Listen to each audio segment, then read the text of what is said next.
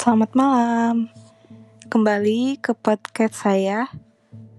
Uh, sudah lama ya tidak membuat podcast, kurang lebih beberapa bulan yang lalu. Di sini masih sama tentang quarter life crisis. Mungkin setiap orang pernah mengalaminya. Saya pun begitu dan yang mengalaminya pun tidak hanya di kisaran uh, usia quarter life ya, tetapi mungkin untuk kalian yang udah lulus dari kuliah, mungkin kalian akan bertanya, habis kuliah ngapain ya? Mau jadi apa ya? Terus gue harus mandiri lah jangan sampai nyusahin ortu. Malu. Apalagi yang udah ya istilahnya yang lulusnya itu uh, dia emang sekolah. Dan sekolah itu emang harus dari orang tuanya gitu. Tapi pernah nggak sih mikirin kayak apa ya kita pas kanak-kanak kita tuh nggak pernah mikirin sama sekali. Besok mau makan apa ya? Pasti udah ada gitu. Di ya istilahnya mah kita tinggal makan aja. Kalau misalnya mikirin uang kita tinggal minta aja ke orang tua. Ya enggak sih? Terus kita cuma pikirannya apa coba? Main. Terus ngelakuin hal-hal yang buat kita bahagia Nah itu mungkin pemikiran yang pendek ya karena usia kita juga masih rentan, masih dini sekali gitu. Ketika mas masuki masa remaja, mungkin sebagian orang akan memikirkan hal-hal yang di mana dia me, sudah apa ya istilahnya mas sudah memiliki rasa suka kepada lawan jenis tapi berbeda dengan saya. Saya orangnya tidak seperti itu. Karena ketika Mas masuki masa remaja saya harus kerja maksudnya saya harus uh, berbuat baik nih buat sesama. Terus uh, saya juga gimana ya? Uh, istilahnya mah apa ya? Uh, saya waktu waktu uh, duduk di bangku SD itu yang ada di pikiran saya tuh hanya main saja gitu. Tidak berpikir ah nggak usah belajar nggak penting gitu. Maksudnya buat apa sih? Yang penting kan main buat kita bahagia. Jujur waktu itu kayak gitu banget. Sampai temen tuh kebanyakan cowok. Kenapa nggak cewek? Karena uh, apa ya? Uh, yang yang pernah saya lakuin itu ketika main sama cewek waktu SD apa ya? Kita tuh seakan diatur gitu. Misalnya kayak gini. Kita main masak-masakan nih. Udah main masak-masakannya. Kata dia tuh ih kamu harus jadi pembelinya ya. Aku yang jadi ininya yang jadi kokinya. Oh oke okay, kata aku. Terus kata dia tuh kamu aja yang jadi kokinya aku nggak mau jadi pembelinya. Oke okay, kata aku tuh tapi apa ya istilahnya wah gitu-gitu aja gitu mainnya nggak seru. Dan uh, mainnya tuh stuck aja di tempat gitu. Dan uh, mungkin pada zaman uh, kalau misalnya lahirannya kelahirannya 90-an pasti tuh mengalami uh, apa ya permainan BP-BPan nah ih kok anak cewek gini banget ya permainannya nggak seru kata aku tuh. Nah waktu aku main sama saudaraku uh, saudara sepupuku dia anak cowok juga terus dia punya teman-temannya. Main sepedahan lah kita terus main kelereng main uh, waktu itu dikenal banget tuh gala asin terus main uh, yang lainnya yang kayaknya tuh seru banget petak umpet dan yang lainnya ih kok seru banget sih main sama mereka. Jadi aku tuh lupa waktu. Seakan-akan belajar tuh nggak penting gitu. Tapi pas kelas 6 SD tuh uh, aku kan harus dipaksa ya. Mau nggak mau aku harus belajar gitu. Kenapa harus belajar? Karena kalau nggak naik aku malu. Bukan nggak naik sih kalau nggak lulus aku malu. Malu seumur hidup lah. Masa dan terlebih lagi ada adik adik dari orang tuaku tuh jadi guru di situ. Malu banget kalau nggak lulus kata aku tuh. Ya udahlah paksain belajar aja kata aku. Itu asli main juga cuman siang maksudnya cuman setelah pulang sekolah aja kan pulang sekolah langsung ngaji gitu. Uh, apa ya main tuh nggak ada sama sekali waktu kelas 6 SD tuh seakan-akan dunia tuh hampa banget tanpa main. Dan itu aku mulai sadar sih kenapa aku harus belajar ditambah lagi. Sebelum itu pas ya intinya aku belajar banget dah. Waktu itu tuh kan mau uh, kelulusan ceritanya. Tapi uh, sebelum ujian hamin hamin sepakan sebelum ujian tuh aku sakit. Sakit DBD nah di situ tuh aku tuh kata kata orang tua aku tuh aku nggak bisa bangun sama sekali. Karena aku tuh uh, apa ya istilahnya terlambat gitu ke rumah sakit. Karena pas awal kan ya aku namanya anak anak kecil ya. Ya ketika dia dipaksain belajar tapi dia pe tetap pengen main gitu. Uh, waktu itu tuh aku uh, bandelnya aku waktu dulu aku inilah bilang aku mau belajar di temen. Emang niat belajar bener. Tapi abis belajar tuh langsung main. Nah waktu itu tuh aku main ke rumah teman dan ternyata di rumah teman tuh ada kayak genangan air gitu kan. Genangan air itu memacu apa ya istilahnya mah memacu uh, ya buat istilahnya mah nyamuk tuh uh, pasti ada di situ gitu. Dan aku tuh sadar di situ tuh ih kok uh, apa ya kayak air tapi kok nggak dibuang kayak bak bau gitu. Tapi itu aku nggak maksudnya nggak sadar akan hal penyakit DBD itu. Nah waktu itu tuh aku uh, di karena ya istilahnya di rumah uh, apa ya karena aku tinggal di rumah nenek jadi nenek aku tuh nggak tahu kirain tuh penyakit biasa aja. Jadi aku cuma dibawa ke puskesmas uh, abis itu nggak ada perubahan sama sekali tetap panas. Ya panas dingin kayak gitulah. Uh, tetap panas dan aku tuh dibawa ke dokter tetap juga karena ibuku itu ngerti kesehatan. Uh, telepon lah nenek aku ke ibu aku. Terus ibu aku langsung kan ke rumah nenek aku dan aku tuh harus dibawa ke rumah sakit segera. Kenapa?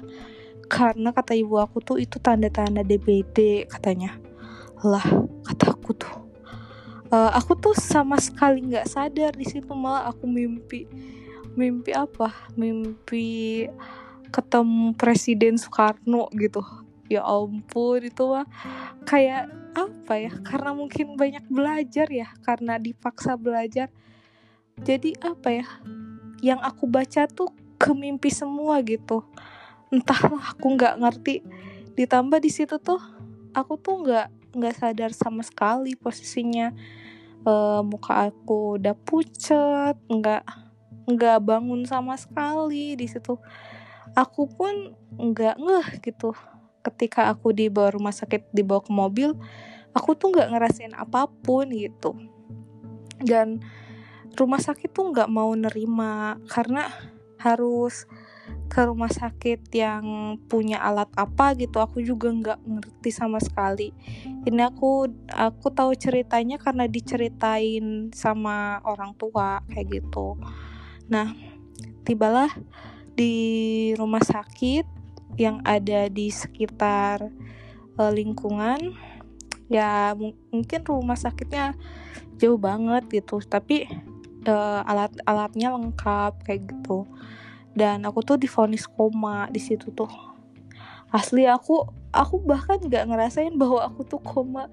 Karena aku tuh lagi mimpi panjang gitu tentang yang aku baca waktu pas belajar ya uh, belajar apa kelulusan itu. Karena kan dulu sistemnya UN ya.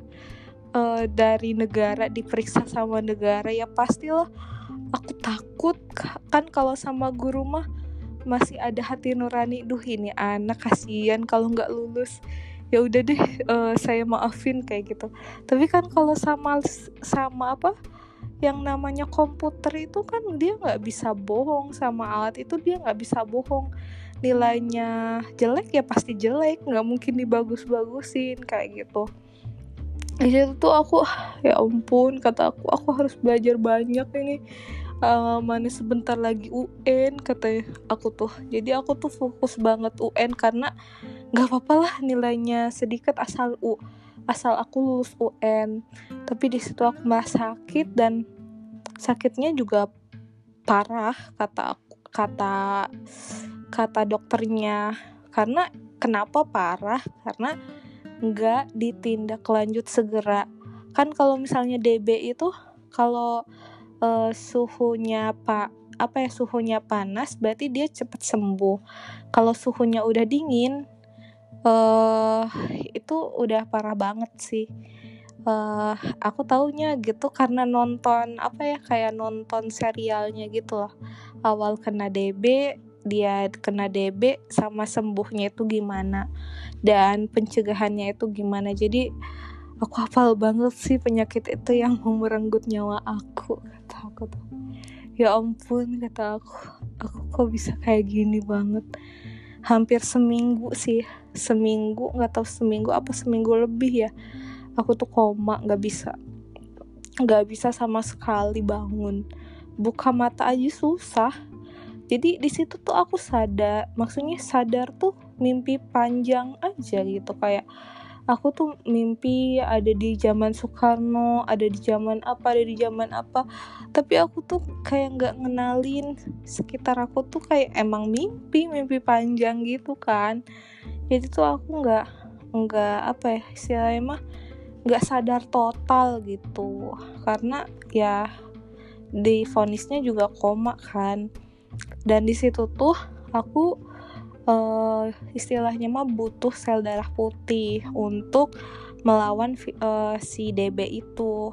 Eh, sel, sel darah sel darah apa sih? Maaf bukan sel darah putih tapi sel darah merah. Aku ya istilahnya mah uh, apa ya? Istilahnya mah uh, dia tuh ah, nggak uh, tahu lah sel darah putih atau sel darah merah. Lupa lagi pokoknya udah lama banget. Itulah aku kekurangan darah intinya mah tapi stok di PM itu habis dan uh, harus nunggu beberapa lama. Makanya aku komanya juga lama kan karena nggak dapetin darah itu. Dan akhirnya setelah sepekan aku dapet darah itulah. Dan aku uh, bisa bangun kayak gitu. Tapi abisnya tuh lemes lemes lemesnya kayak ditusukin jarum seribu di tubuh aslinya bener. Gak mau kena DB lagi. Itu menyeramkan kata aku tuh. Dan di situ uh, kata dokternya itu aku harus minum jus jambu katanya. Jus jambu itu buat ya intinya mah buat sembuh dari DB itu. Aku juga nggak ngerti sih karena aku emang bukan apa ya uh, istilahnya mah uh, nggak paham juga tentang kayak gitu gitu. Uh, kenapa ya harus maka, minum jus jambu? Karena katanya kata dokternya itu trombosit kamu turun banget. Jadi kamu harus naikin trombositnya buat menstabilkan tubuh kamu katanya. Dengan minum jus jambu ini atau jus kurma trombosit kamu pasti akan naik. Oke kata aku tuh ke dokternya dan aku selalu diperiksa uh, istilahnya mah uh, tangan jari-jari aku tuh selalu diperiksa sama susternya itu buat cek darah lah entah apa. Uh, ya intinya mah untuk mencek trombosit aku naik atau rendah kayak gitu. Nah di situ tuh aku mikir wah uh, Tuhan udah baik banget nih ke aku. Aku sebandel ini masih dikasih aja kehidupan yang selama mungkin ya. Kesempatan dua kali gitu menurut aku. Dan aku tuh di situ harus bersyukur banget lah. Masa nggak bersyukur di uh, kena sakit parah tapi Allah tuh masih nyembuhin aku gitu. Tapi uh, di sini tuh aku mulai sadar aku tuh harus apa ya kayak kehidupan baru aja gitu tadinya aku emang suka main uh, istilahnya mah uh, apa ya uh, uh, apa ya istilahnya mah uh, jarang belajar kayak gitu. Ya pokoknya urak-urakan kayak gitu. Tapi pas aku udah sakit DB itu aku tuh uh, dipaksa buat buat apa coba? Buat menjadi diri aku yang lebih baik lagi. Gimana ya caranya? Mulailah di SMP nah di SMP aku pindah kan sama orang tua aku karena uh, mereka nggak mau lagi kehilangan aku mungkin ya untuk kedua kalinya karena emang di situ sakit parah banget. Nah aku di SMP tuh hmm, apa ya istilahnya mah ini loh kehidupan baru aku aku tinggal sama orang tua terus aku uh, sekolah di sini. Aku harus uh, apa ya istilahnya aku harus melakukan yang terbaik kata aku. Dan aku nggak nyangka sama sekali dari yang tadinya nggak dapat ranking sama sekali pas SD ternyata pas SMP dapet lah walaupun nggak ke satu.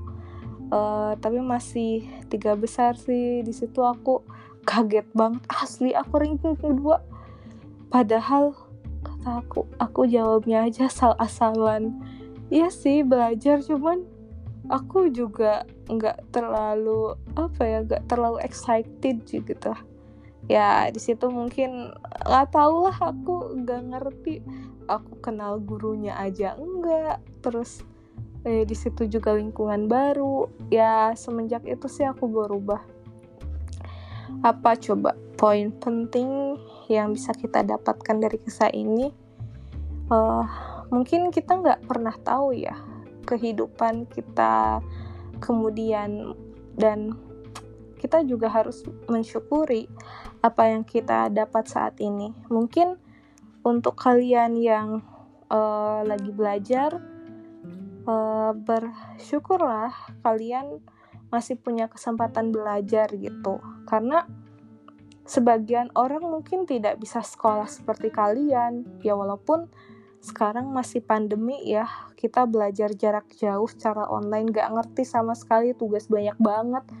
Uh, tiba-tiba aja nilai anjlok. Tapi ya syukuri itu karena kalian masih punya kesempatan untuk belajar. Walaupun belajarnya juga masih daring kayak gitu.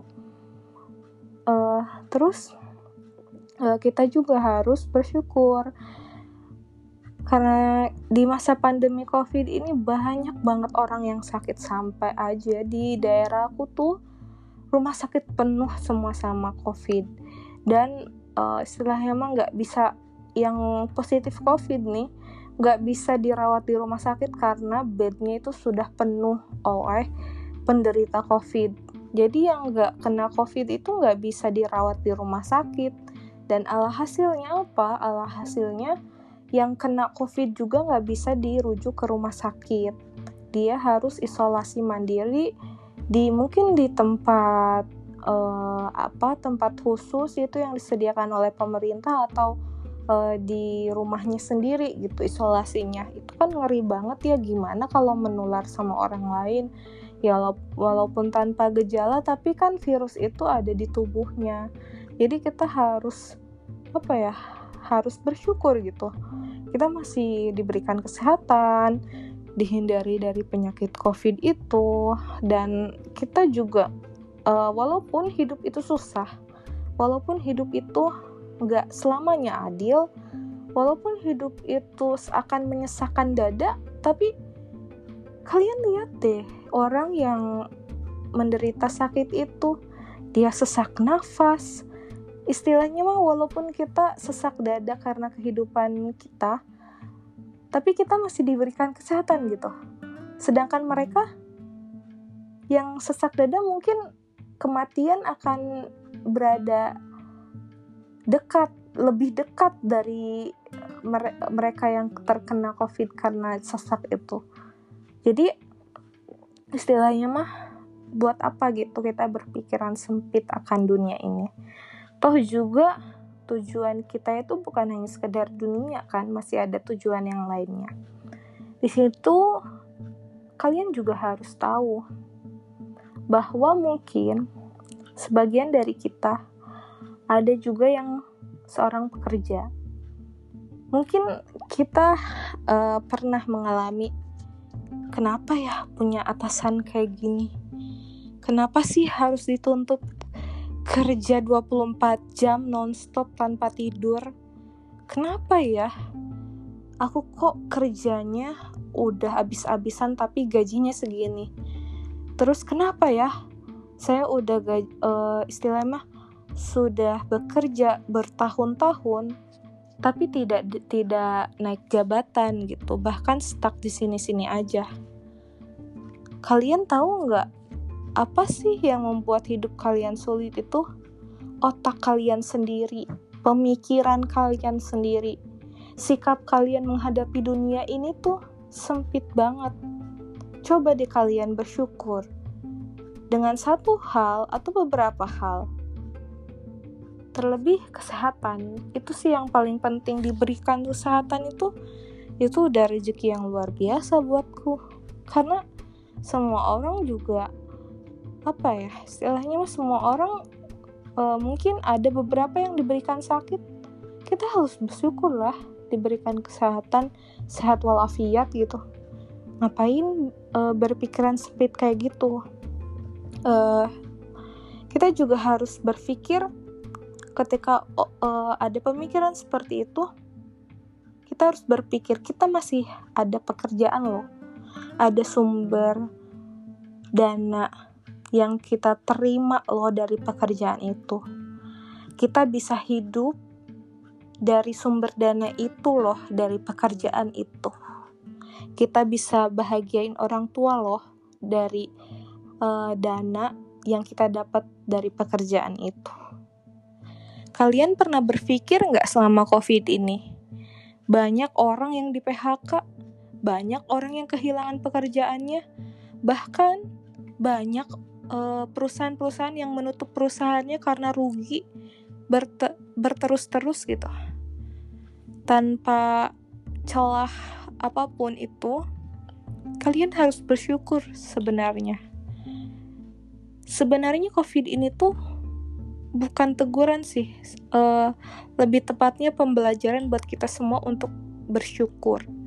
Kenapa? Karena tidak ada mungkin uh, kita bekerja habis-habisan, tapi ada loh orang yang uh, dia menca mencari 24 jam mencari pekerjaan, mencari satu pekerjaan tapi nggak diterima-terima.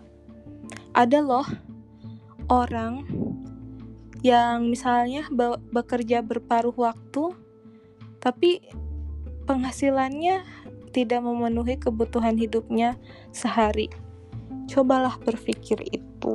Kita masih bersyukur diberikan pekerjaan, kita masih bersyukur terima gaji, kita harus bersyukur untuk bisa menafkahi orang tua kita atau menafkahi orang-orang terdekat kita bersyukurlah. Karena apa ya istilahnya mah kalau misalnya kita nggak bersyukur kita ha, istilahnya kita dituntut A B C D E F G. Yang sama sekali mungkin itu bukan kemampuan kita tapi kita harus dituntut A B C D F G. Kayak gitu. Kemudian apa Mungkin di quarter life ini kita melihat sering melihat uh, sosial media apalagi yang usianya sudah apa ya istilahnya mau memasuki quarter life gitu. Mungkin uh, ada yang udah lulus kuliah tapi kita masih menyusun uh, apa ya tugas akhir kayak gitu. Mungkin ada yang uh, udah nikah tapi kita masih di sini-sini aja. Terus ada yang udah punya anak tapi kita masih di sini-sini aja. Bahkan uh, pertanyaan itu pun sering muncul di keluarga. Kapan sih nikahnya? Kapan sih punya anaknya? Kapan sih ini ini ini ini, ini. ah itu mah membuat saya kesal juga kata aku tuh apa ya? Maksudnya kok orang tuh uh, ember bocor war war banget sih? Maksudnya dia nanya itu tapi uh, udah tahu jawabannya kenapa harus nanya gitu. Kadang aku tuh kesel banget kalau ada pertanyaan seperti itu sampai aku tuh nggak mau jawab pertanyaan seperti itu. Karena aku juga nggak tahu kapan kata aku tuh. Mungkin kita ditanya kapan lulus? Eh lu kapan lulus kata gue sabar sabar. Gue lagi nyusun. Uh, ini kan ini kan bukan kemauan saya stuck di sini aja tapi kan ada arahan sini situ syarat ini itu terus hal-hal yang kita mungkin nggak tahu gitu ke depannya apa. Dan kita juga mungkin bisa memprediksikan tapi takut salah kata aku tuh kayak gitu. Makanya kalau misalnya aku ditanyain kapan lulus udah deh. Ke pertanyaan lain aja jangan ini atau doain aja ya semoga secepatnya. Gitu paling solusinya. Dan mungkin uh, apa ya keluarga juga pada nanya kapan nikah? Ya ampun kata aku tuh ini gue masih umur segini loh. Masa ditanya kapan nikah kata aku tuh. Dan aku juga nggak tahu jawabannya. Karena aku juga apa ya istilahnya karena aku cewek masa aku harus nentuin target harus kapan-kapannya? Ya intinya mah yang namanya cewek pasti nunggu kan ya. Nggak mungkin aku nyosor begitu aja lah emang aku cewek apaan? Kata aku tuh. Ya intinya mah semua butuh proses. Kata aku dijawab doain aja secepatnya. Ya kan e, doa orang kan mana tahu ya diijabah atau enggaknya. Tapi kan kalau kita jawabnya dengan kayak gitu nggak ada orang yang sakit hati kata gitu. Daripada gue jawabnya kayak gini pikirin aja lo hidup lo udah mikirin lo juga kapan nikahnya? Kayak gitu kan nggak boleh ya. Walaupun ingin berkata kasar tapi kan nggak boleh ya. Karena itu keluarga kita. Makanya aku tuh paling nggak suka perkumpulan keluarga. Karena bukan lebih ke nanyain kabar sih tapi mereka kepo akan kehidupan kita. Yang menurut kita itu privasi kita yang harus dijaga. Dan mereka tuh pengen tahu. Kalau misalnya udah tahu ya udah kayak gitu. Dan mungkin kalau misalnya uh, kita ngasih tahu tapi mereka ngasih solusi ya so far so good. Tapi kalau misalnya uh, apalagi kalau misalnya kita udah dikasih tahu tapi mereka harus menuntut ABCD ih itu membuat aku pusing tujuh keliling. Apalagi kalau misalnya ditanya apa ya e, gaji lu berapa? E, lu kerja di mana? Emang situ emang situ udah mapan. Emang situ ya intinya gitulah. Maksudnya ngaca lah ngaca. Jangan nanyain orang lain. Lu aja hidupnya kayak gimana? Kayak gitu.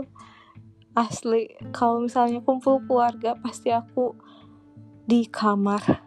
Dan aku tuh ketakutan takut ditanyain tiga hal itu sumpah ya aku tuh nggak mau ditanyain ketiga hal itu karena menurutku itu privasi aku. Bahkan orang tua aku pun istilahnya mah uh, apa ya uh, itu tuh membuat uh, down gitu. Karena aku juga nggak tahu jawabannya kapan kata aku dan uh, harus apa kayak gitu ya semuanya butuh proses semuanya juga harus uh, istilahnya mah uh, apa ya tidak instan gitu. Dan semua juga butuh perjuangan kayak gitu. Dan mungkin kalau mentalnya itu nggak sekuat baja ya ditanya itu terus ngeliat sosial media itu tuh akan seakan-akan membuat hidupnya tuh nggak berarti karena aku juga merasa ada di fase itu sih sebenarnya.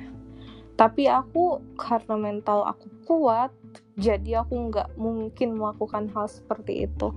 Tapi aku pernah baca sih di suatu artikel kayak gini.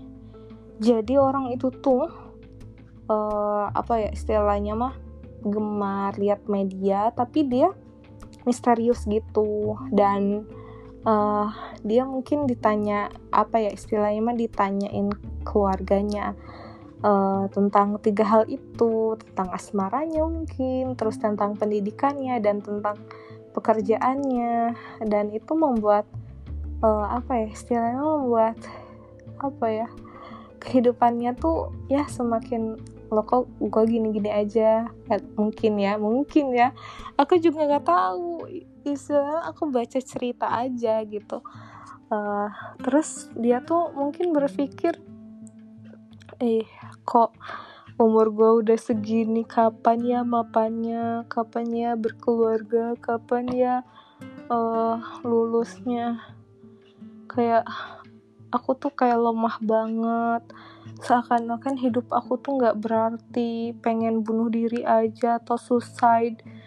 Karena nggak ada nggak ada orang yang sayang ke aku.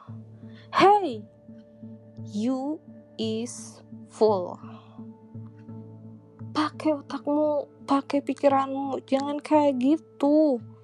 Kamu tuh orang yang berharga. Kamu tuh pantas hidup Tuhan udah ngasih kehidupan ke kamu, kamu harus bertanggung jawab atas kehidupan itu. Gak mungkin, gak mungkin lu dengan suicide lu akan bahagia, gak mungkin sama sekali malah orang tua lu pasti akan sedih. Orang-orang terdekat lu juga pasti akan menderita. Apalagi orang-orang yang lu istilahnya mah lu punya tanggung jawab di situ. Pasti akan nyari-nyari lu. Pikirkan itu wahai sahabatku. Jangan berpikiran pendek lah. Masa dengan hal itu lu mau suicide? Ah. Hidup itu singkat makanya. Tuhan udah ngasih kehidupan ke kamu. Kamu harus bertanggung jawab atas kehidupan itu jangan sampai kamu mengakhiri hidup ini cuman gara-gara itu. Think so far so good. Badai pasti berlalu. Lu nggak mungkin kayak gini-gini aja. Kehidupan itu bagai roda berputar. Mungkin lu sekarang ada di titik terendah lu. Lama kelamaan lu juga akan naik di titik tertinggi lu. Mungkin itu tergantung pemikiran kita ya. Kita menganggap itu harus ABCD mungkin itu standar orang lain. Tapi jadilah versi terbaik dari diri kamu. Jangan mengikuti orang lain. Jangan boleh mengikuti tren tapi jangan berlebihan. Boleh mengikuti style tapi jangan berlebihan. Ingat posisi kamu. Ingat kemampuan kamu dan ingat juga, kamu harus bersyukur karena punya kehidupan yang mungkin orang-orang yang sudah mati ingin hidup kembali, tapi tidak punya kesempatan itu. Bahkan orang sak yang menderita sakit parah pun ingin sehat, kamu sudah diberikan kesehatan. Sehat itu mahal loh. Bahkan orang yang punya penyakit mohon maaf yang punya penyakit kanker atau punya penyakit apa yang harus cuci darah selama uh, termin waktu sekian sekian itu menghabiskan banyak uang loh. Kamu udah bisa bernafas aja udah dikasih kesehatan gak punya penyakit apa pun. Itu udah uh, apa ya istilahnya mah udah rezeki buatmu. Dan percayalah semua orang itu punya rezekinya masing-masing gak mungkin tertukar. Jika pun tertukar nggak mungkin salah ngasih kayak gitu. Nggak mungkin. Karena itu udah ditetapin.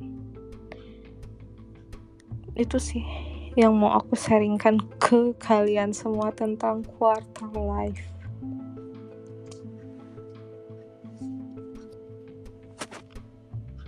Semoga yang mendengarkan ini semakin bersemangat ya dalam hidupnya.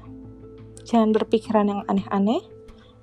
Ingat satu hal, bersyukurlah karena masih punya kehidupan dan kamu bertanggung jawab atas kehidupan ini. So, jangan mengakhiri hidup kamu dengan kelalaian pikiran kamu sendiri. Terima kasih. Selamat malam, selamat beristirahat, tidur dengan nyenyak, dan bangun dengan menjadi orang versi terbaikmu sendiri. Terima kasih.